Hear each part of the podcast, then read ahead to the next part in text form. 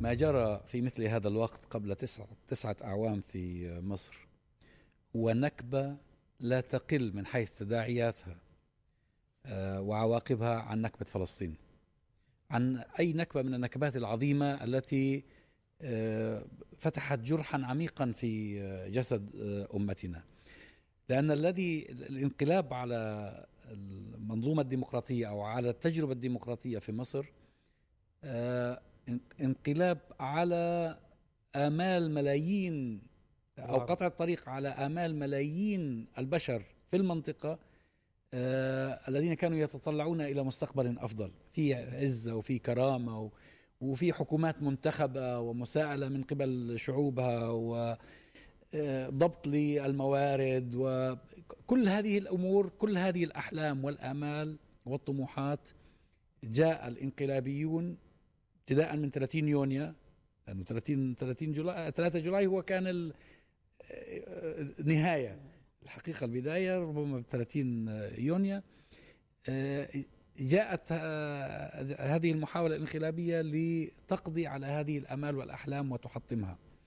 آه، وأنا أنا بتصوري أن هذا الحدث ينبغي ألا يغيب عن ذاكرتنا. نعم. وينبغي أن نثقف به الأجيال الجديدة حتى يعرفوا المأساة آه، والكارثة التي حلت بأمتنا آه، عندما انقلب هؤلاء الذين الآن يحتفلون بالذكرى على اعتبار أنها ثورة وعلى اعتبار أنهم كانوا مخلصين والحقيقة أنهم كانوا لصوصا كانوا مجرمين قتلة نعم. آه، قتلوا البشر وقتلوا الأمل وقتلوا الحلم. نعم. صحيح. يعني الواحد لما بيدور كده يشوف مين اللي كسبان من من اللي حصل دوت في الحقيقة آه، بيلاقيهم آه، أفراد آه، أعداد قليلة. يعني أوضح أكتر وأقول يعني هل المؤسسات اللي في الدولة حتى اللي سعت لتغيير الحكم عن طريق انقلاب عسكري استفادت؟ هل الجيش استفاد؟ الجيش صورته الذهنية في وجدان الناس دلوقتي أسوأ بكثير من قبل ذلك هل منظومة القضاء وما استخدمت فيه من تسييس والتنكيل بالمعارضين وما إلى ذلك استفادت؟ ودورها في آه، يعني في هذه المرحلة. هل حتى المؤسسة الدينية استفادت؟ المجتمع في مجمله خسران المؤسسات خسرانة. آه، يمكن بعض الأفراد على رأس كل مؤسسة بتحقق مكاسب تعود عليها هي مباشرة بالنفع والفائدة وفي مجملها مكاسب مادية.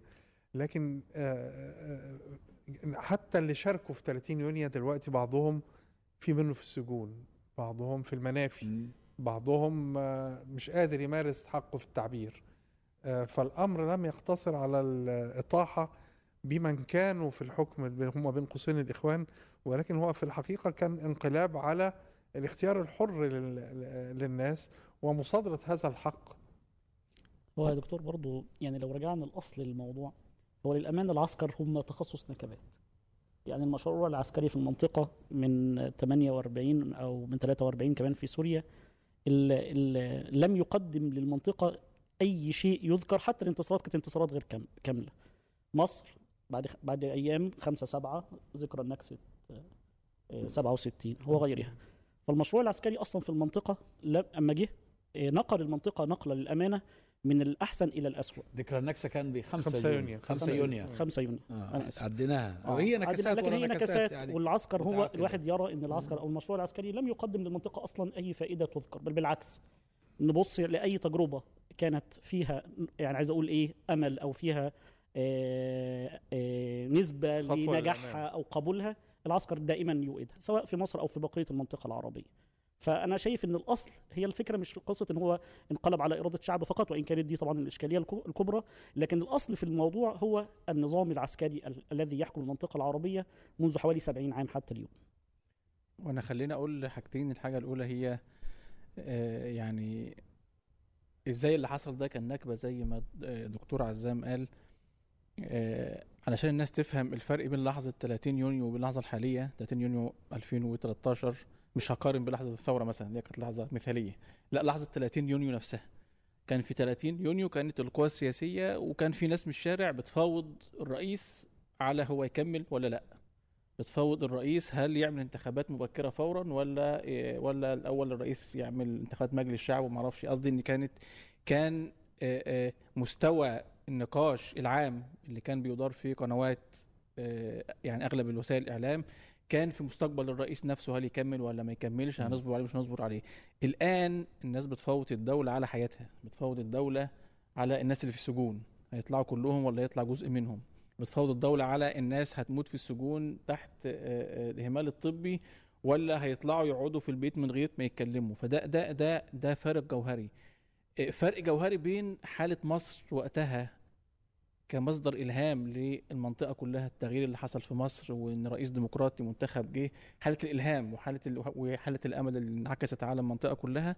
وبين حالة مصر دلوقتي اللي يعني بير... اللي, اللي, كتاب تابعين للنظام بيقولوا لدول الخليج يا إما توفروا لنا 25 مليار يا إما هنطلق الشعب المصري عليكم كلاجئين وكناس جوعى والى آخره. فأنا قصدي حتى حتى البلد نفسها صورتها الذهنية في المنطقة لم تعد أحسن.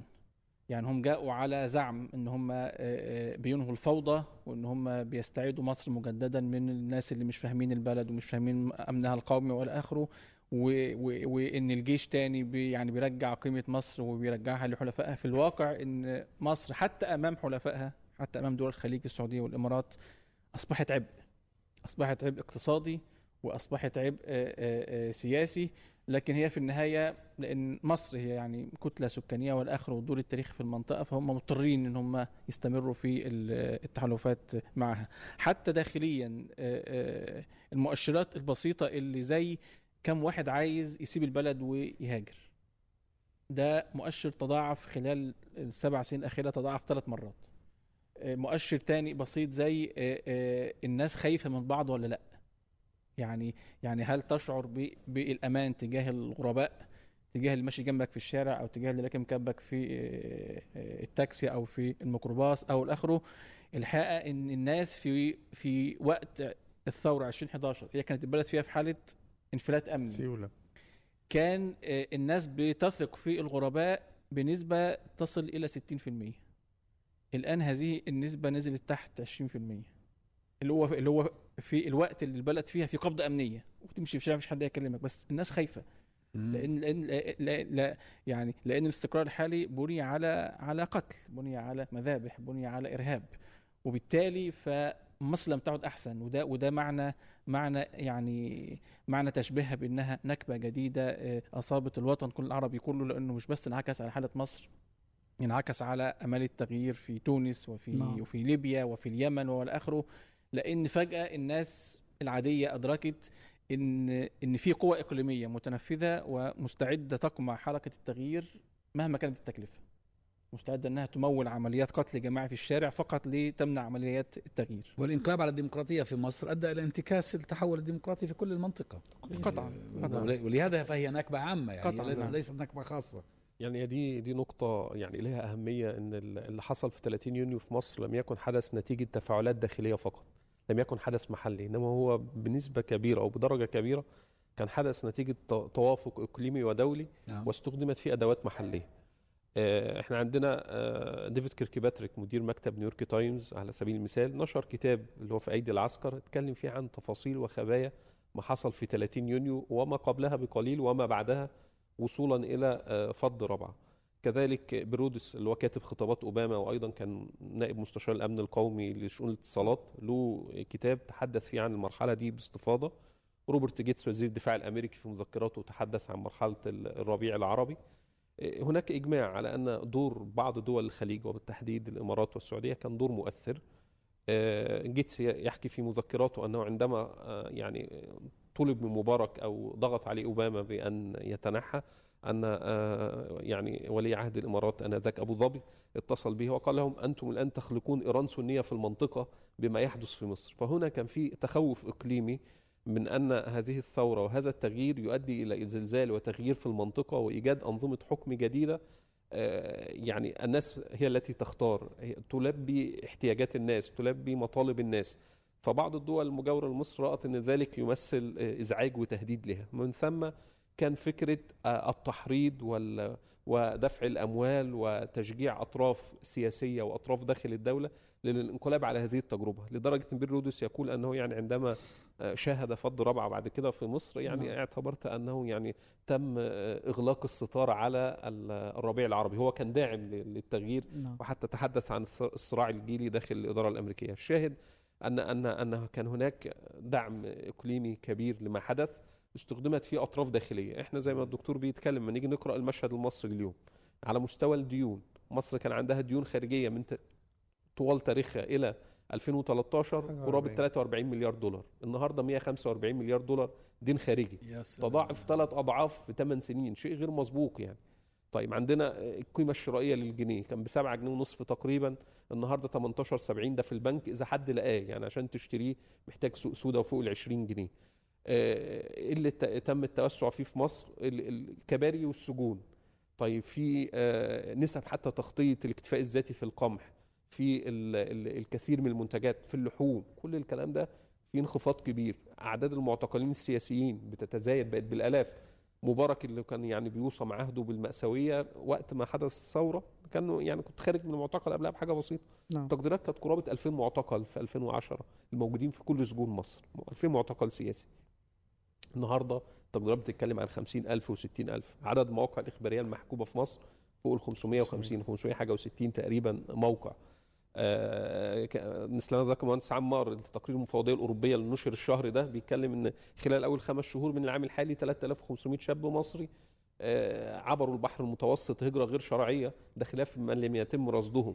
وده ثلاث أضعاف نظيره في العام السابق. فإحنا هنتكلم على مؤشرات اقتصادية مؤشرات حقوقية مؤشرات سياسية كلها في التردي ليه؟ لأن كان الهدف مما حدث هو ليس مجرد تغيير الدكتور محمد مرسي واستبداله بشخص آخر واستكمال حياة ديمقراطية إنما كان هدفه إيقاف مد الربيع العربي الذي مثل زلزالا في المنطقة واذانا بالمنطقة يمكن أن تتحرر وتنعق ويعني تنعتق من إطار الاستبداد اللي دخلت فيه في القرن ال 19 هنا ده كان التحدي وفي الحقيقة هي مش صراع سياسي هو صراع على التحرر. منطقتنا تتحرر وتملك قرارها وزي ما الدكتور مرسي بيقول غذائها ودوائها وسلاحها ولا إنها تظل مجرد آه، محميات آه، لأطراف إقليمية أو أطراف دولية. هو ده التحدي الحقيقي اللي, اللي, اللي حصل وهو ده اللي الانقلاب اللي تم الحقيقي في 30 يونيو يعني. نعم. لذلك هم نفس ال- الفئات التي دعمت الانقلاب. آه، هي التي تدعم وجود النظام حتى هذا اليوم. يعني ما بعرفش إذا شفتوا اللقاء اللي عمله آه، أسامة جاويش مع آه، روبرت آه، سبرينغبورغ. رجل بروفيسور خبير في في الشؤون المصرية وله عدة مؤلفات في هذا المجال. خلاصة المقابلة أن النظام المصري بقراراته بإجراءاته باختياراته كان المفروض يسقط من زمان. نعم. وكان هو عمل مقارنة ما بين ما يجري في لبنان وما يجري في مصر. إلا أن ثمة إرادة دولية وإقليمية للحفاظ على نظام السيسي لأن آه، البديل مرفوض. الديمقراطية مرفوضة ابتداء ول- ولسبب آه، ما يمثل- يمثله القطر المصري من وزن في العالم العربي. يعني آه، أن تنجح الديمقراطية في مصر غير أن أن تنجح في أي مكان آخر. نجاح الديمقراطية في مصر واستتاب آه، استتباب ال- الحكم الديمقراطي فيها يعني أن المنطقة العربية بأسرها ستتغير. نعم. طبعا هو واضح أصلا آه، آه، معذرة دكتور واضح إن هو الدعم الدولي لو عايزين نفهمه لأن الناس بتقول دعم النظام هم بيقولوا طب بيدعموه في إيه؟ لا يعني الدعم بشكل أساسي هو في استمرار آه، تدفق الدعم المالي. في حالة غير يعني لا لا تتعلق بحالة الاقتصاد ولا ب ولا بالسوق ولا وهذا بالكلام يفسر دوت. المديونية اللي بس لا لا هو بس غير غير غير. غير يعني غير المديونية. دول الخليج الثلاثة السعودية الإمارات الكويت تمتلك الثلاثة حوالي 40% من الاحتياطي النقدي في البنك المركزي المصري. دي ديون بيتم تجديدها كل ثلاث أو خمس سنوات حسب يعني آه، فترتها الزمنية. وبالتالي ده بيقول إن في قرار من من الدول الثلاثة إن هم يعني قدر الإمكان يدعموا الحالة. الأهم من كده تدفق الأموال الساخنة طوال السنين اللي فاتت داخل السوق المصري كل كل أسبوع تقريبا البنك المركزي بيصدر سندات بمليار دولار ب 800 مليون آخره. ده لم يتوقف اطلاقا حتى في فترة الكورونا. وزير آه، وزير آه، المالية المصري قال إن إحنا تلقينا تمويلات خارجية في عام الكورونا 22 مليار دولار اللي هو في الوقت اللي كانت المؤسسات الدولية كانت محجمة عن إنها تمول يعني الدول لأن كان في حالة غموض كاملة في السنة دي لكن في قرار سياسي دولي لأن كل المؤسسات ديت يعني يعني بتحتاج ضوء أخضر من الدول الأوروبية الرئيسية ومن الولايات المتحدة باعتبار إن هي أصلا صاحبة يعني يعني آه، آه، رؤوس الأموال دي. فهو في قرار باستمرار تدفق الدعم. تقريبا لا توجد مؤسسة تنموية في العالم تقريبا في العالم إلا والنظام المصري يوقع معها آه، كل شهر كل عدة أشهر يعني اتفاقيات لتمويل حاجات تمويل.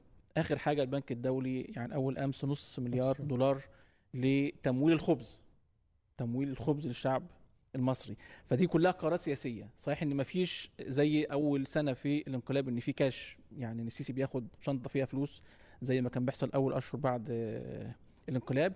لكن في المقابل في قرار دولي باستمرار دعم الوضع وعدم وعدم انهياره لأن هم معنيين بان الوضع الحالي يستمر وبان النظام الحالي يكمل اطول فترة ممكنة.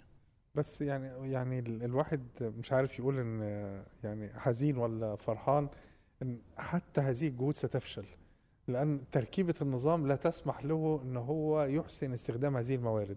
النظام اللي هو بيقمع بل يسجن آه، أكبر رأس للجهاز المسؤول عن الرقابة المستشار هشام جنينة. نعم. لا يمكن الا دي كانت رسالة لكل آه، الفاسدين ولكل السارقين افعلوا ما شئتم. ودوت ممكن الناس ما تحسش بيه مباشرة لكن نحس بيه مثلا في واقع زي اللي كشف عنها في القاضي اللي قتل المذيع والناس فوجئت إن الكاش بس بتاعه اللي في البنوك آه، 30 مليون غير ال- آه، الشقق اللي في أماكن متميزة غير الشاليهات ده, ده, ده اللي جوه مصر غير اللي بره مصر. وقبليها بيوم, كان القاضي الآخر اللي كان بياخد رشاوى بالملايين علشان يطلع براءة. إحنا دلوقتي كمان بنتكلم في أفراد. ال ال ال البنك ال- البنوك المصرية في الشهر اللي فات دوت واحد هرب ب 7 مليار الملاك بتوع 19 011 7 مليار آه، جنيه. والتاني اللي كان إبراهيم محلب رئيس الوزراء آه، موظف عنده هرب ب 10 مليار. وبعد كده موظفين في البنك واحد ب 22 واحد بحاجة أقل ب 22 مليون واحد أقل ب 5 مليون. الكلام الأرقام ديت والوتيرة ديت للمنظومة ديت مش مؤهلة لأنها تمارس رقابة مش مؤهلة لأنها تقبل إن يبقى في حد بيراقبها لا برلمان ولا جهاز مركزي. فمهما ضخ فيها من أموال ومهما آه، يعني اهدرت آه، أصلا النظام لا يعترف بدراسات الجدوى. مش كده بس لأنه لا يعترف بدراسات الجدوى أسر أنفق ما انفقه على قناة السويس دون عائد اقتصادي. وده اللي كنا بنقوله ساعتها وما ومش كده بس يا دكتور النهارده الخليج ذات نفسه سياسة الدعم المالي تغيرت استراتيجيتها. آه كان هم يدخلوا في كان الرقابه الأول آه يحط آه. ودائع. يعني زي ما الدكتور اتكلم إن إحنا كان عندنا حوالي 40% من احتياطي النقد الدولي ودائع. النهارده الخليج داخل في مساحة تانية بقى مش في وضع ودائع وضع استثمارات وشراء أصول وشراء ويتابعونها ويتابعونها بأنفسهم. بانفسهم آه، تغير هو هو قد عندهم. يكون آه، عنده صورة إن النظام ده هيقع هيقع. لكن هو النهارده بيقول أنا النهارده جزء من ملاك هذه البلد. أنا النهارده بشتري أصول بشتري سندات بشتري ثوابت بحيث إن النظام تغير ما تغيرش فأنا موجود.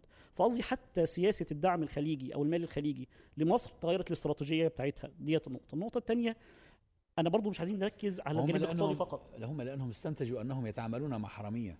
صحيح. لصوص. صحيح. الانقلابات يقولوا بتمر بأربع أربع مراحل. المرحلة الأولى طبعا مرحلة القمع والقتل والسجن عشان يستتبوا الأمر بعد الانقلاب. المرحلة الثانية اللي إحنا شفناها بعينينا مرحلة الوعود الكاذبة. هو يقول لك 2020 هتشوفوا مصر تانية هتشوفوا مصر مختلفة اصبروا عليها ست شهور اصبروا عليها كذا.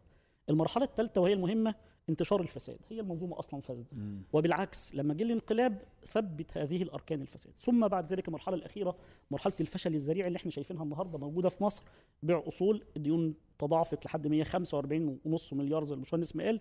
أنا عايز أقول إن سوريا بعد كل هذه السنوات من الحرب تقريبا ديونها تلت ديون مصر.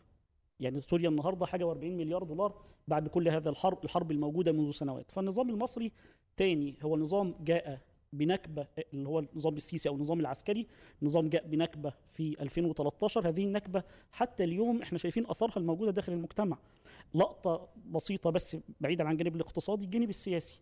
نبص كده لحد 30 يونيو 2013 أحزاب وحركات وشباب وشخصيات في- وحمزاوي. كان المصريين شايفين إن في 12 واحد مؤهلين لأن هم يتنافسوا على وأحزاب وتمرد يعني قصدي كل هذه حراك سياسي موجود في المجتمع طيب بعد 2013 النهارده حتى هؤلاء اللي سندوا النظام وكده مفيش حد موجود لا شخصيات موجودة البرادعي بره حمزاوي بره مش عارف مين بره الأحزاب اللي كانت حتى موجودة اللي كانت على رأسها مش عارف عمرو موسى فين أو أحمد شفيق فين. النهارده هذا النظام حتى بعيد عن الجانب الاقتصادي نكبة حتى في الجانب السياسي. فنكبة اقتصادية نكبة سياسية نكبة اجتماعية. النهارده عدد حالات القتل والانتحار والتحرش والطلاق في الموجودة في المجتمع عقد اجتماعي بينهار في مصر. نكبة غير نكبة الأمن القومي اللي إحنا أهمها طبعا قضية ماء النيل أهمها طيران وصنافير. كل هذه النكبات وليست نكبة واحدة السبب فيها هو النظام العسكري عبد الفتاح السيسي والمجرمين اللي معاه بدعم إقليمي طبعا ودولي. في شوف الحاجة الغريبة ملفتة للنظر أن الذين تجرؤوا على الدكتور مرسي رغم أنه كان منتخبا ديمقراطيا نعم. واستغلوا آه، أجواء الحرية هامش الحرية الواسع الذي كان موجودا صحيح. معظمهم لا يجرؤون اليوم على أن يقولوا حرف. ومن جرؤ على أن يعبر عن موقف مغاير لموقف النظام بأي ط- شكل من الأشكال هو الآن موجود في السجن. آه، أو ربما إذا يسر له تمكن من الهرب خارج البلاد. وأنا أستغرب من من الذين لا يشعرون بهذا الفرق. يعني وطبعا أنتم ذكرتوا مجموعة من الفروق. الواحد عاوز يقارن آه، العام اللي أو, أو العامين مثلا من من بداية الثورة من ثورة. 2011 إلى آه، صائفة 2013 قارنها بالتسع سنوات العجاف اللي مروا. أوجه المقارنة مذهلة. صحيح. الكونتراست. آه، آه، في- حالة من الصمت الرهيب. بين أولئك الذين كانوا يتمتعون بذلك الهامش من الحرية والآن أفقدوه تماما. سلبوا كل الحرية يعني حضرتك الكلام ده في كل مجال. يعني هو مثلا كان في موجة من تخويف ال- القطاع بتاع السياحة من آه، صعود الإسلاميين. آه، في حين إن الوضع الحالي بتاع السياحة آه ممكن يكون حصل آه، نمو شوية. إنما دلوقتي إحنا بنتكلم على لما جه مدبولي عشان يتحدث عن آه، هو هيعمل إيه في السنين الجاية؟ فقال إن هو هيدمج خمس فنادق كبرى ويبيعهم. عملية الدمج ديت معناها إن في ناس هتتشرد طالما في عمليات دمج يبقى في آه، وظائف هتطير. فده قطاع. قطاع زي الفنانين. إحنا عندنا برضو كان بيتم تخويفهم من الإسلاميين. هل دلوقتي الإسلاميين ال- ال- الممثلين اللي طفشانين بره مصر زي عمرو واجد زي خالد أبو النجا زي هشام عبد الله زي هشام آه، آه، إسماعيل آه، زي غيرهم اللي قاعد في مصر ومش لاقي شغل. اسمه إيه السمرة دوت اللي اعترض على إهانة محمد صبحي بكلمة من تركي آل شيخ فدلوقتي خلاص اختفى. هو غير ال- الممثل المغنية اللي اسمها امال ماهر. فدي قطاعات لم يكن لم تكن تتصور إن هي هينالها آه، ثمار آه، آه، تقلص هامش الحريات. لا يعني هذا الهامش مم. هذا الهامش ما ينفعش يتقلص على فريق دون فريق. طبعا في المسيحيين كمان. الأقباط نعم. الأقباط الذين خوفوا من الإخوان وخوف و, و آه، و- وصار عملية حشد لهم في 30 يونيو. نعم. يعني برضو هذا عامل كان آه، كان في غاية نعم الأهمية. ديفيد كيركباتريك في كتابه اللي هو في يد العسكر كان قابل في أمريكا قس في مصر كان شهير اسمه فلوباتير كان له دور في بعد الثورة في التحشيد لمظاهرات و... وتوجد بأحداث مسبيرو اللي. سميت مجزرة مسبيرو و... وكان يعني أحد خصوم الإخوان البارزين يعني. فقابله في عمل معاه لقاء أثناء الإعداد لكتابه فبيقول فلوباتير بيقول له إحنا اليوم مصر في عهد السيسي أسوأ بكثير مما كانت في عهد مرسي وده أنا بقولها بصراحة يعني. عهد مرسي كان عندنا القدرة على تنظيم المظاهرات والاحتجاج والمطالبة بأشياء. حاليا في العهد الحالي ما لا لا نستطيع أن نحرق يعني أن ننظم مظاهرة أو أن نطالب بشيء آه، بشكل مباشر. فهنا حالة ال حالة ال ال القمع طالت الجميع. ليه؟ لأن إحنا مصر كان قبل كده يعني في نظام سياسي عنده شق قمعي. لا إحنا دلوقتي ما فيش منظومة يعني, يعني. نقدر نقول حقيقية. هي كل نظرة لكل شيء من جانب أمني. دكتور أحمد بيشير لقطاع السياحة في واقعة من شهر كانت معبرة يعني. كان في انتشر على وسائل التواصل الاجتماعي فيديو لسائحتين عند منطقة الأهرام وفي أولاد صغيرين بيعاكسوهم ويتحرشوا بيهم. طيب هذه القضية قضية تحرش يعني مع ضد الأجانب وحتى المصريات. قضية محتاجة علاج اجتماعي وعلاج تربوي وعلاج كذا بحيث تقضي عليها. طب هم عملوا إيه؟ عملوا خطوتين. الخطوة الأولى قبضوا على 13 ولد وجابوهم في صورة مرصوصين جنب بعض كده ومعظمهم تحت 15 سنة. تم القبض عليهم ودخلوهم الأحداث. الحاجة الثانية طلعوا قرار بمنع دخول الأولاد تحت خ- 16 سنة أو 15 سنة لكافة المناطق. الأثرية أو المتاحف سواء بصحبة ولي الأمر في أيام العطلات طيب هل أنت كده حليت الإشكال أنت ما حلتش حاجة أنت كل اللي عملت دفنت المشكلة قضية تانية الولد اللي طلع يغني في مسجد اللي كان بيعملوا نعم. أعمال ترميم في مسجد وقعد يغني آه، أغاني مهرجانات وكده طبعا يعني إشكال كبير طبعا و- نعم. وكلها في العقل طب هم عملوا معاه إيه قبضوا على الولد اللي عمل الاغنيه قبضوا على اللي صوره قبضوا على اللي نشره والاتهامات اللي وجهت ليهم انتماء لجماعة نعم. إرهابية ونشر أخبار كاذبة. طب ليه قالوا إن هذا العمل قصد به إيه، إظهار أن أجهزة الدولة لا تقوم بعملها والاستهانة بها واستفزاز الجماهير؟ يعني أصبح أي حدث حتى لو كان نتيجة ضعف خبرة قلة عقل أو كذا يصور إنه حدث أمني ويتم التعامل معاه بنمط عجيب جدا. حتى اليوتيوبرز الأجانب بيجوا مصر عشان يصور حاجة ينشرها يتكلم عن السياحة اللي يشوفها يجي مصر زي كلهم بتاع الأكل هذا نعم. المشهور اللي بيحط طبخات وال... نعم نعم. كلهم بيتعرضوا لتضييق اللي بيصوروا الأفراد المباحث وهم بيطاردوهم وياخدوا منهم الموبايلات. طب أنا كراجل أجنبي أو واحد سائح اللي هيجي مصر في في ظل الأجواء دي يعمل إيه؟ ال- الصحف الأجنبية اللي كان ليها مكاتب في مصر معظمها نقلت للأردن. نقلت لتونس. ليه؟ ما اي مراسل بعد مثلا حادثة ريجيني على سبيل المثال كباحثين أجانب كانوا بيجوا أو مراسلين الناس بقت خايفة. هو خايف إنه لو عمل تقرير انتقد فيه شيء هيدفع ثمن ده. وشاف اللي حصل في ريجيني وكيف إن الدول في النهاية بعض صفقات سلاح مع الاتحاد الأوروبي آه، آه، بعض الصفقات مع إيطاليا غضت التفاوض. عليها بيتم إغلاق الملف.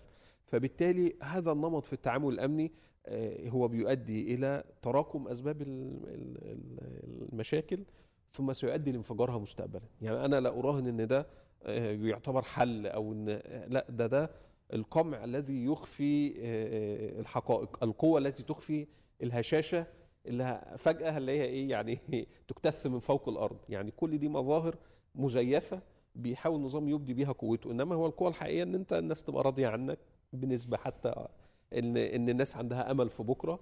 إنما إن كله خايف كله هتيجي عند لحظة تكلفة الصمت هتبقى أكبر من تكلفة الحركة فالناس هتتحرك. وقتها لن يبقي أحد على شيء.